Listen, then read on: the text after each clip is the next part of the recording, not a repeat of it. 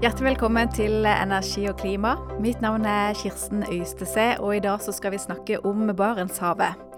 Barentshavet er et av verdens mest produktive havområder. Over og under havoverflaten så er det et rikt og unikt dyreliv.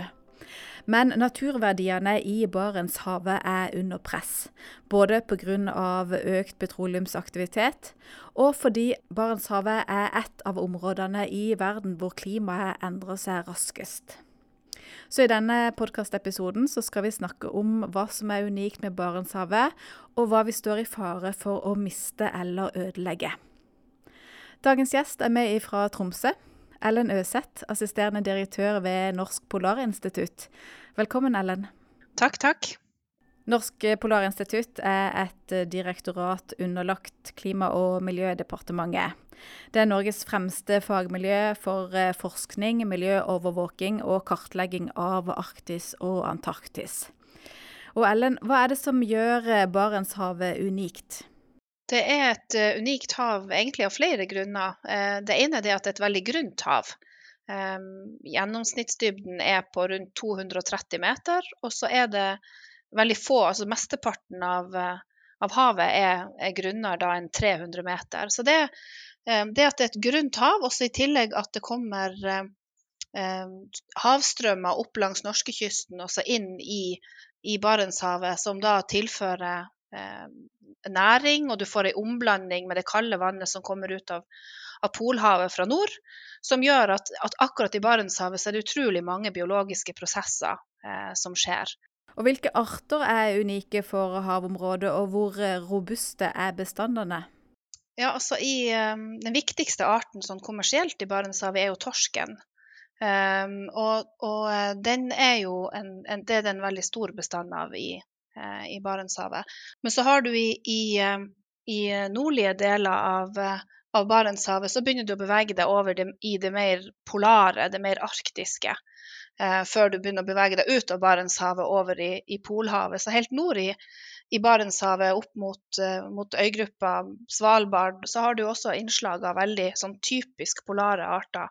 Som vi kjenner kanskje mindre til fra, sånn kommersielt ståsted, da, men du har polartorsk og du har eh, ja, arter som er viktige i økosystemene der, men som vi på en måte ikke utnytter så kommersielt. da. Så er det også et eh, rikt fugleliv?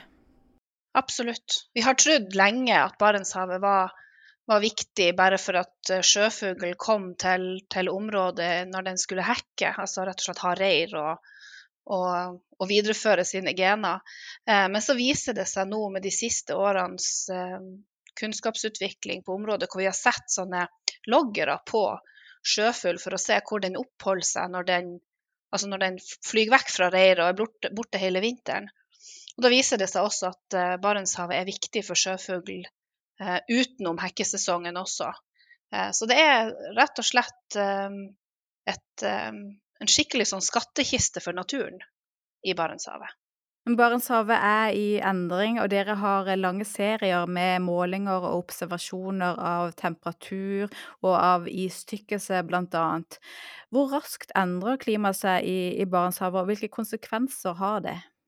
Ja, klimaet i, i, nord, altså i Arktis, eh, endrer seg mye fortere enn en gjennomsnittet på jorda. Det, eh, når vi snakker om lufttemperatur, så er det jo egentlig tregangen eh, vi snakker om i Arktis sammenlignet med, med gjennomsnittet Eh, globalt. Ehm, så det går på en måte veldig fort, og det er veldig store utslag. Ehm, når man ser på målinger i havet, for det er jo allikevel litt forskjell på om man ser på, på um, temperaturen i lufta i, i, polare strøk. Men når man ser i havet, så ser vi også at temperaturen har økt.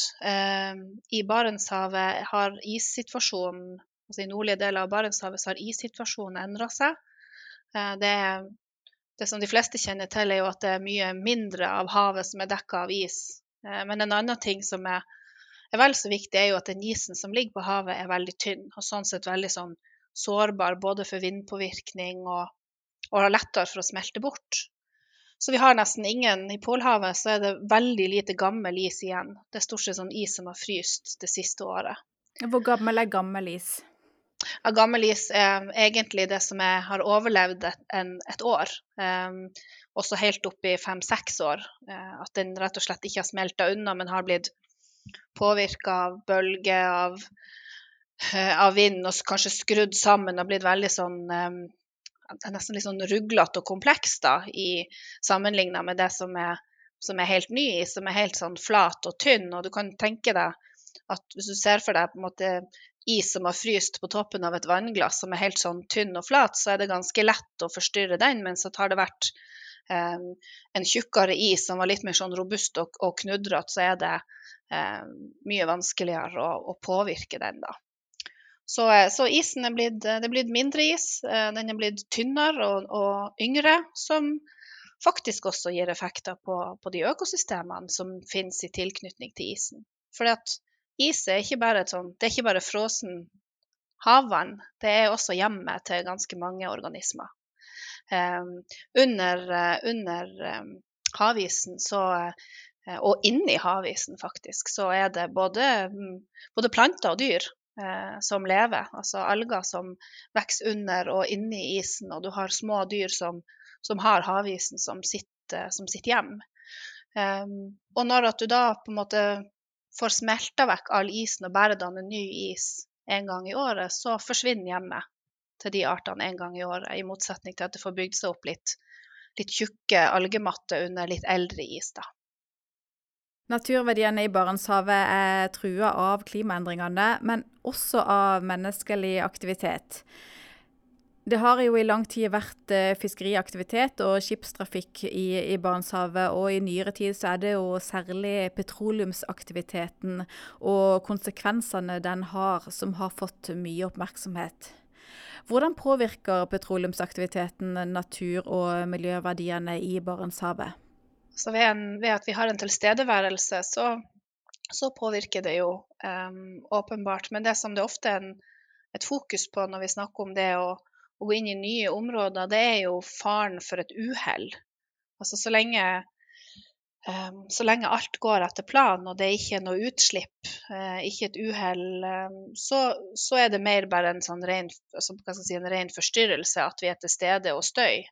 Uh, men ved et, ved et uhell så um, er det både en situasjon at vi er så langt unna den altså de ressursene som trengs for beredskap. Sånn at det vil ta veldig lang tid før man kan få samla opp noe hvis det er noe Eller få samla opp tilstrekkelig eh, hvis det er et, et utslipp av olje. Eh, og er det også det at på, som jeg sa eh, tidligere, at Barentshavet er viktig for sjøfugl hele året. Og i deler av året så kan nesten hele bestanden, hele Barentshavbestanden av enkelte arter være til stede i ett område i Barentshavet. Hvis du da har hatt et utslipp, altså et stort uhell, så kan du egentlig ta ut eh, alle fuglene som ligger på havet og da driver og, og bytter fjær, myte som det heter, og ikke kan fly bort. Så det er det dere er mest bekymra for når dere ser på hva er konsekvensene av petroleumsvirksomhet? Ja, altså det er jo spesielt knytta til, til, det med at det kan være altså Selvfølgelig, det, det er jo mange eh, I en driftsfase er det jo også støy og det er aktivitet og sånn, men, men det, hvis du har et uhell, så vil det eh, i den sårbare arktiske naturen, og også med mulighet for is på havet, hvor man enda til dags dato ikke har funnet veldig gode måter å samle opp olje dersom det havner i, i isdekka hav eller i hav med delvis isdekke så er det absolutt noe som er Som jeg tenker at det er noe med den risikoen vi vi, må, vi, må, vi setter fokus fra Polarinstituttet på hvilken risiko er det vi løper, da. Altså vi må være sånn at vi er tydelige på at, det, um, at de beslutningene som tas, baserer seg på den kunnskapen vi faktisk har om disse havområdene. Både om verdier og hvor sårbare de er. Mm. Barentshavet er jo åpna stadig mer opp for petroleumsaktivitet. Men så er det enighet om at det skal være en grense som definerer hvor langt nord denne aktiviteten kan gå. Og den grensa den går ved iskanten. Og i naturen så er ikke iskanten en kant, det er en sone som går fra hav som er fullstendig åpent, men som er påvirka av at det finnes is i nærheten. Også til der hvor eh, over 80% av havet er dekka av is. Og dette er et eh, særlig verdifullt område, og du kaller iskantsonen for eh, Norges regnskog? Ja, du kan egentlig si at det er en, slags liten regnskog, fordi den, har, den leverer ganske viktige tjenester egentlig til hele økosystemet. Og, og um, er så på en måte frodig og fruktbar. Og det er jo, altså, det er jo alltid fra sånne um, ikke-karismatiske arter som små krepsdyr og sånn, som egentlig ingen har noe sånn veldig tett forhold til.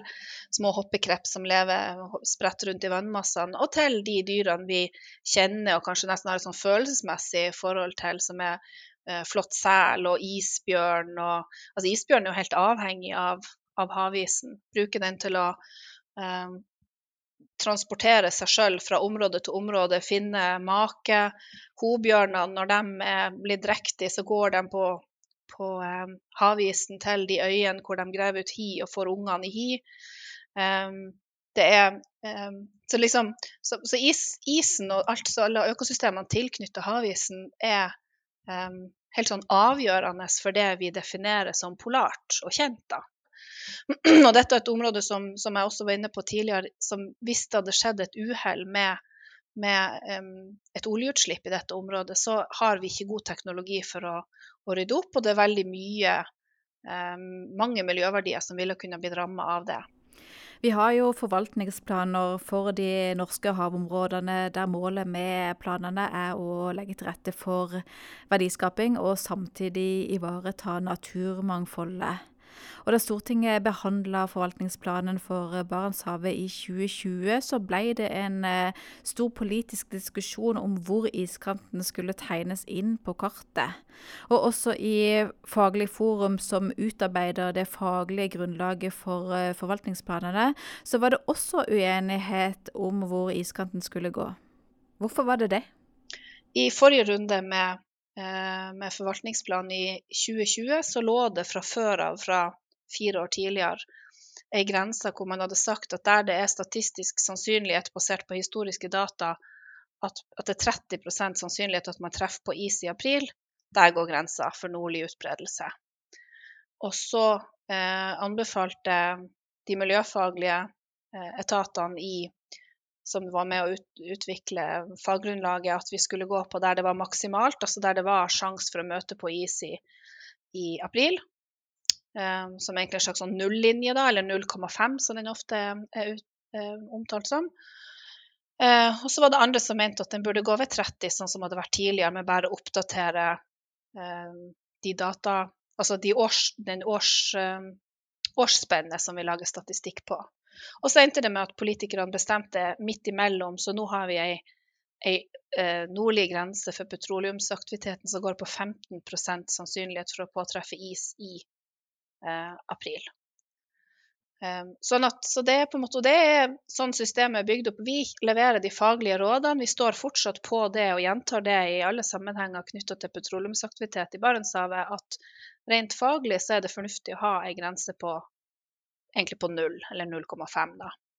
Ehm, men så er det politikerne som bestemmer, og de har bestemt at den skal gå over 15 i denne fireårsperioden. Siden forvaltningsplanen skal oppdateres hvert fjerde år, så vil det bli en uh, ny behandling av forvaltningsplanen for Barentshavet i 2024. Og dere vil da fortsatt anbefale at iskanten bør gå ved 0 eller 0,5 %-linja, og altså dermed lengre sør enn der iskanten uh, går i dag. Er det riktig? Ja, det, det, og det er på en måte um, Det er sånn det er når det er faglig, vi er et faglig direktorat. så um, legger vi fram våre faglige råd. Og det er fortsatt det, også etter nå har vi nettopp hatt en gjennomgang. fordi at det jobbes i sånn fireårssykluser imellom hver gang det legges fram en, en, ny forvaltningsplan. Så egentlig med det samme den er lagt fram, og kanskje til og med litt før, så begynner fagmiljøene å jobbe med oppdatering fram mot neste runde. Eh, fordi at det er, en, det er, en, veldig omfattende prosess, eh, det faggrunnlaget som, som legges til grunn for disse forvaltningsplanene.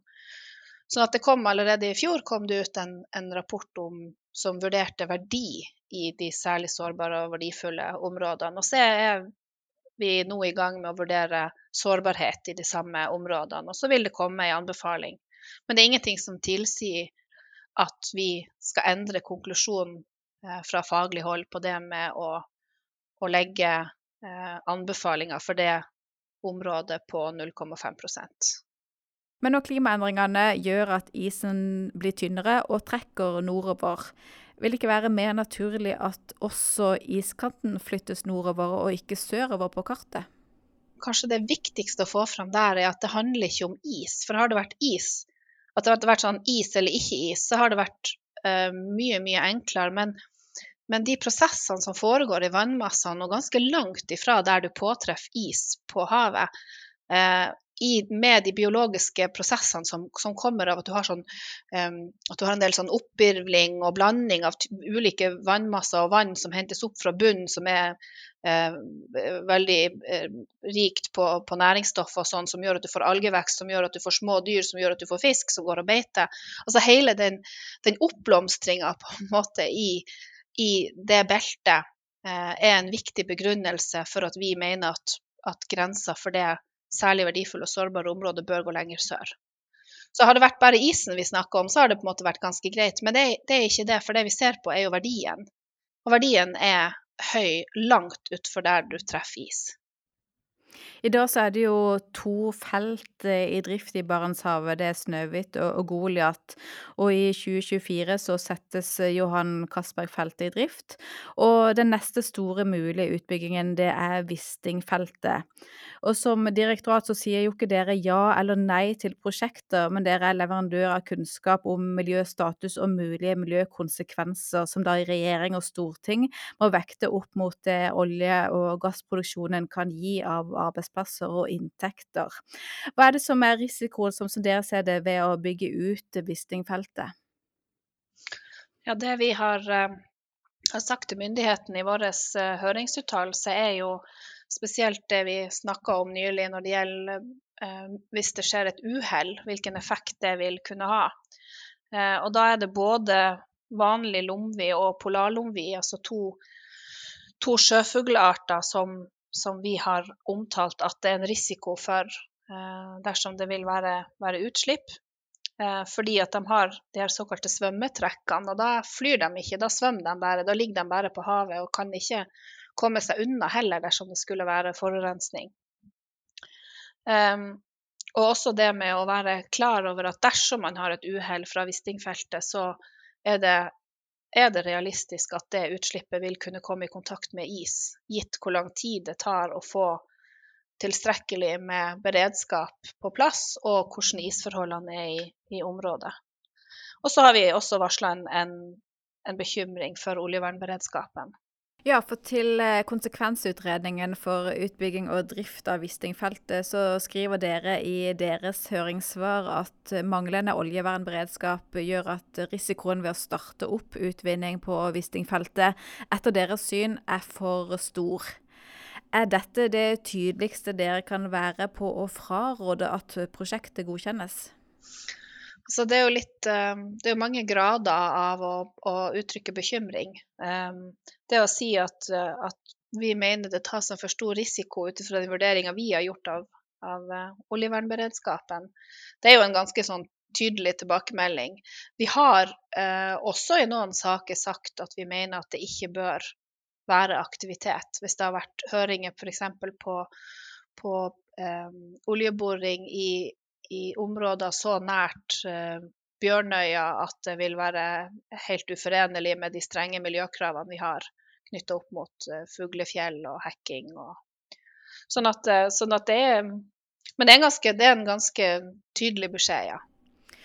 Hvis iskanten flytter sørover i 2024, slik som dere anbefaler, hvilke konsekvenser har det for Wisting-feltet og for arealet som er åpna opp eller foreslått åpna opp for eh, petroleumsaktivitet i Barentshavet? Hvis man ser på der vi tegner inn hvor vi har anbefalt at iskantsonen bør avgrenses til, opp mot hvor det er tildelt i lisenser, så er det en um, tre tre lisenser som vil bli eh, Altså tre blokker i Barentshavet som vil bli påvirka eh, av det, hvor de vil ligge delvis eller helt innafor eh, det særlig verdifulle og sårbare området. Og så er det, er det jo eh, altså det, Jeg tenker det er også veldig viktig å, å, å skille mellom Altså, nå er det beslutta at det er 15 eh, per nå. Vi gir en ny anbefaling. Og så tenker jeg at Det er viktig å skille mellom det vi gir som anbefaling, som er basert på mitt et miljøfaglig råd, så det er den vurderinga vi gjør, eh, og det som kan komme fra, både fra andre direktorater og andre fagmiljøer som vekter andre ting. Altså Vårt er et rent miljøfaglig råd, eh, det at vi mener at den bør gå ved 0% altså der det faktisk kan komme til å treffe på på is i, i april. Men det er også en del eh, eh, lisenser som er tegna inn på kartet, som ligger da i eh, Som ikke er aktiv, men som ligger eh, tegna inn på kartet som vil være nord for, for den streken. Men Vil en flytting av iskanten sørover ha noe å bety for Wisting-feltet, som er kanskje det feltet som har mest oppmerksomhet eh, nå frem mot 2024? Det vi har sett på i vår høring til Wisting-feltet, er jo at influensområdet for et eventuelt utslipp vil komme i konflikt altså, Og det er det egne, da er det egne modelleringer fra, fra selskapet sjøl, da. Eh, det vil komme i konflikt med eh, iskantsonen, sånn, sånn som vi definerer den faglig. Av og til så kan man jo tenke at man kan bli litt sånn oppgitt, for det er jo ikke sånn at, at um, det alltid blir hardt på, det som blir sagt fra miljøhold. Uh, men samtidig så så er det et system som også altså Vi har også noen, noen områder hvor vi har fått endring. F.eks. at det har vært lagt inn boretidsbegrensning, eller bore, altså at det ikke er lov å, å bedrive prøveboring i de tidene på året hvor det finnes fugl på havet eller fugl på, på reir i, i, områdene, og at det sånn sett hvis du hadde et uhell, så ville det kunne bli påvirka. Så jeg tenker at det er, en, det er en Det oppleves nyttig å jobbe med å gi miljøanbefalinger til forvaltninga. Um, selv om at man av og til kan føle at det, at det, blir levert inn høringer som på en måte bare blir lest, og så det ikke, gis det ikke en direkte konsekvens. Dere tar jo deres eh, råd og anbefalinger med inn i faglig forum, hvor også andre interesser ivaretas. Og så er det jo et mål at eh, faglig forum skal bli enige om de faglige rådene, er det ikke det? Det finnes egentlig to viktige grupper som faglige grupper i havforvaltning. Det ene er overvåkingsgruppa, som jobber med å gi status for havområdene. Og levere hvert, også hvert fjerde år en oppdatering på, på status i havområdene. Også I tillegg er det Faglig forum, som er tverrsektorielt, hvor alle sektorer sitter eh, inne. Altså alle relevante sektorer, fra Oljedirektoratet til Norsk Polarinstitutt, eh, sitter og, og, skal lage et felles eh, faglig grunnlag.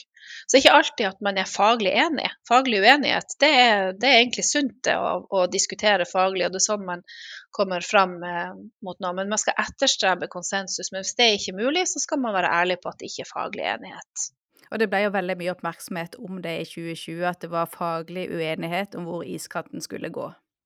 Ja, og så var det i, i rapporten fra, fra, Faglig forum så sto det egentlig bare at det var to meninger i forumet. Det sto ikke noe sånn spesielt godt begrunna for den ene og for den andre. Og det er jo en del man har lært av at, at det er unødvendig å skape eh, eh si, sånn unødvendig uro. Så i neste rapport, hvis det er faglig uenighet, så blir den faglige uenigheten godt beskrevet og forklart i rapporten. Fordi at det kan være forskjellige måter å, å trekke en faglig konklusjon på, og det er forskjellig hva man legger til grunn. Og tenker det, det bør politikerne vite hva er det som ligger til grunn for de ulike anbefalingene hvis det er hvis det er ulikt. Men så er det jo et, det er, si det er, sånn, et vakkert system, da, for i all hovedsak så er man jo faktisk enig. Både i beskrivelser og i anbefalinger. Eh, og det gjør jo også at, at systemet vårt med overordna forvaltningsplaner for havområdene er ganske robust. Og det overlever også ulike regjeringer, ulike ministre, ulike farger på, på regjeringen og ulike sammensetninger av Stortinget. Så jeg tenker at vi er det er, et, det er, et, system vi kan være veldig stolt av fra Norges side. Vi snakka tidligere om at Barentshavet er et av de områdene i verden hvor eh, klimaet endres raskest. Hva er den største trusselen mot naturverdiene i Barentshavet? Er det klimaendringene eller menneskelig aktivitet? Jo, klimaendringer er helt sånn grunnleggende fordi at vi endrer på en måte hele grunnlaget for økosystemene. Så, så, men så har du også kombinasjonseffekter. Du har kombinasjon mellom økt aktivitet, f.eks. mer en konsekvens av klimaendringene er også mer skipstrafikk i nord. Så nå får du en, egentlig en dobbeltpåvirkning. Um, du har uh, kombinasjon av klimaendringer og forurensning.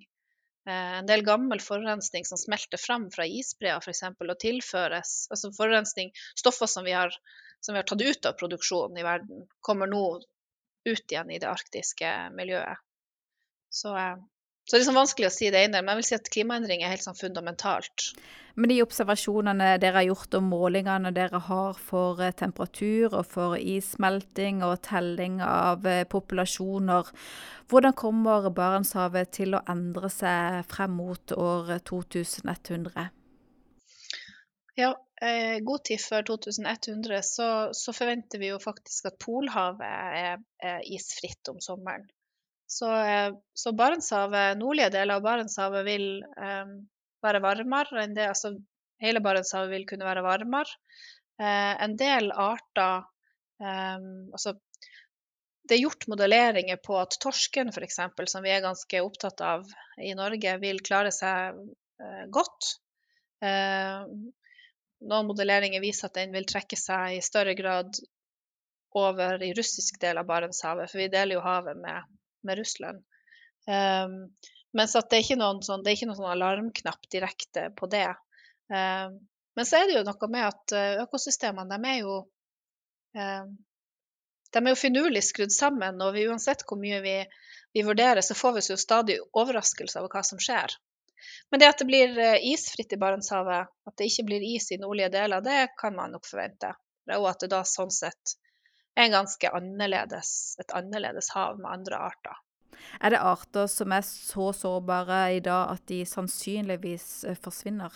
Altså det er, eh, det er litt sånn eh, Det er et litt sånn spill som, som utspiller seg, fordi at du har noen, du har noen arter som i en, en um, i, i tiårene som kommer, kommer til å være vinnere. Både en del polare arter som er veldig gode å tilpasse seg, og så har du en del arter som normalt sett holder til lenger sør, som er eh, utrolig gode å følge på en måte mulighetene etter hvert som, som klimaet endrer seg, sånn at polare strøk blir mindre polart.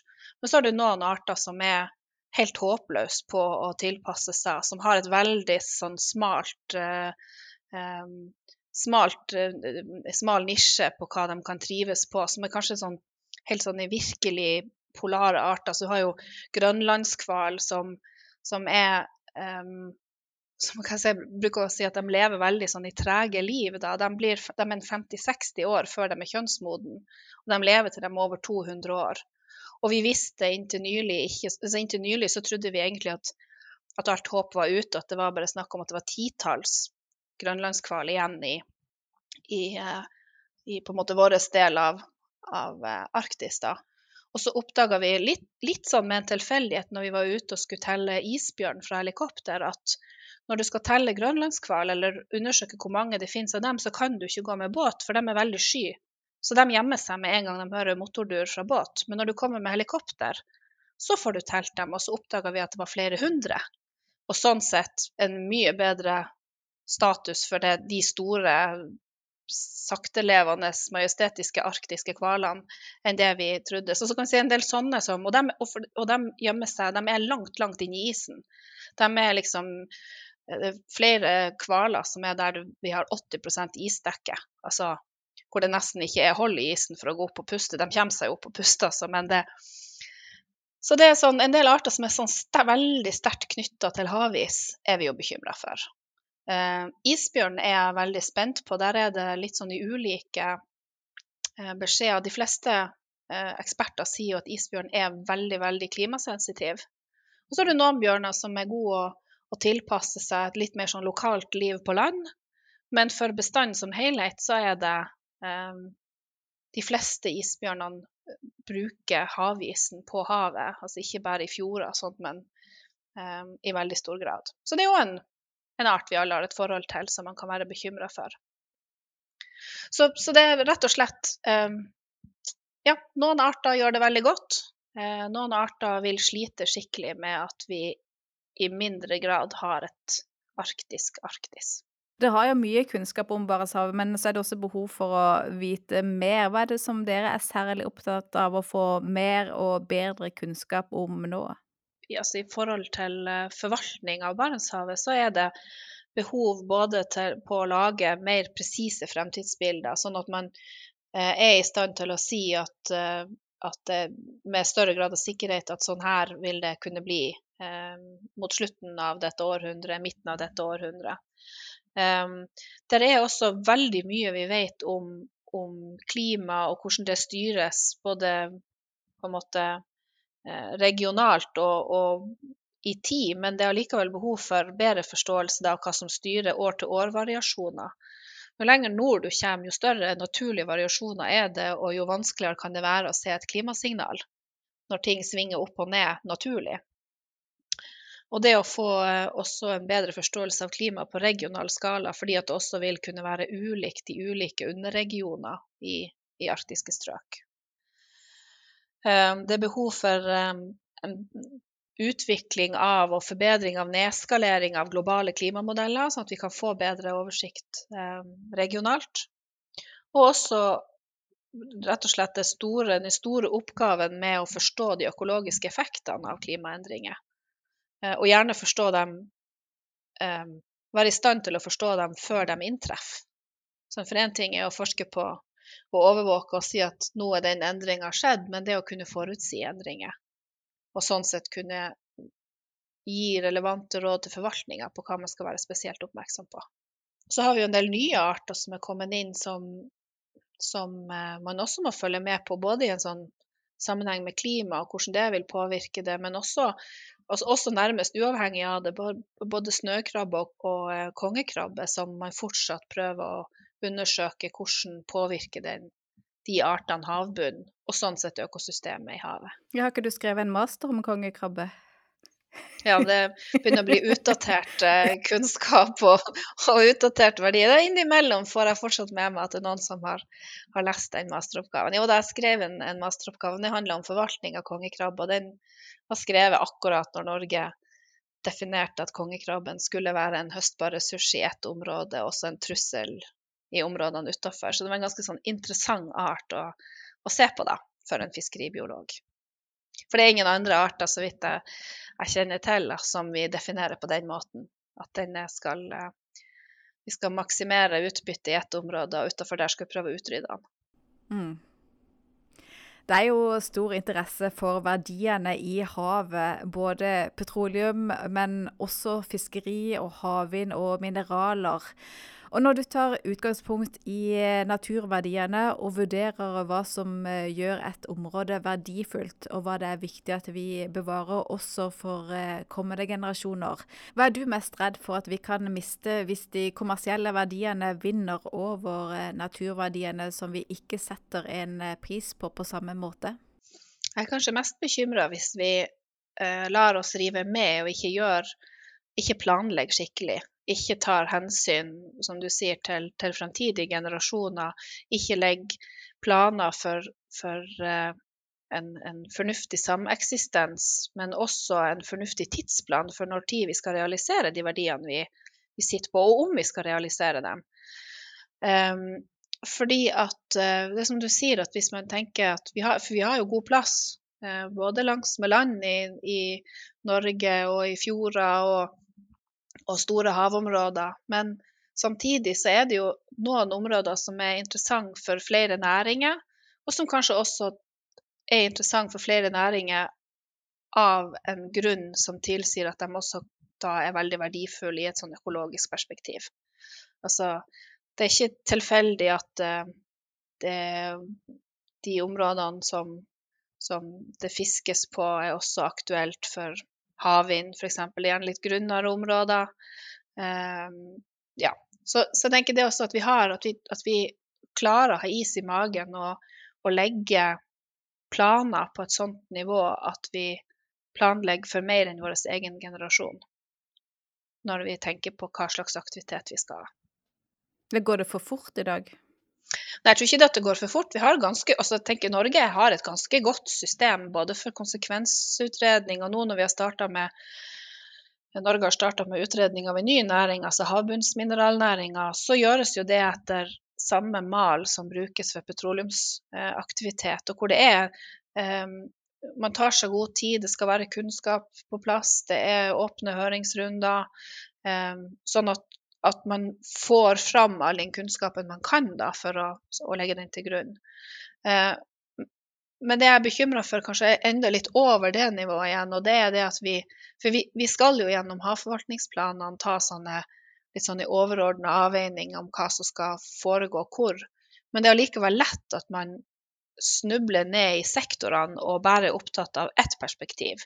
Og det er kanskje det jeg tenker at vi må passe på at vi også klarer å løfte blikket og klarer å, å tenke at det er ikke bare at det skal gå opp på kartet nå, men det skal også gå opp på dette kartet eh, om to generasjoner, om tre generasjoner. Og klarer vi det, på en måte, å ha det fremtidsbildet, eh, gitt alle de tingene vi ikke aner noen ting som helst om når det gjelder fremtida. Mm. Du, da sier jeg tusen takk for praten, Ellen. Ja, tusen takk for at jeg fikk komme. Takk også til eh, du som lytter på. Abonner gjerne på Energi og klima i din eh, foretrukne podkastapplikasjon. Takk for i dag.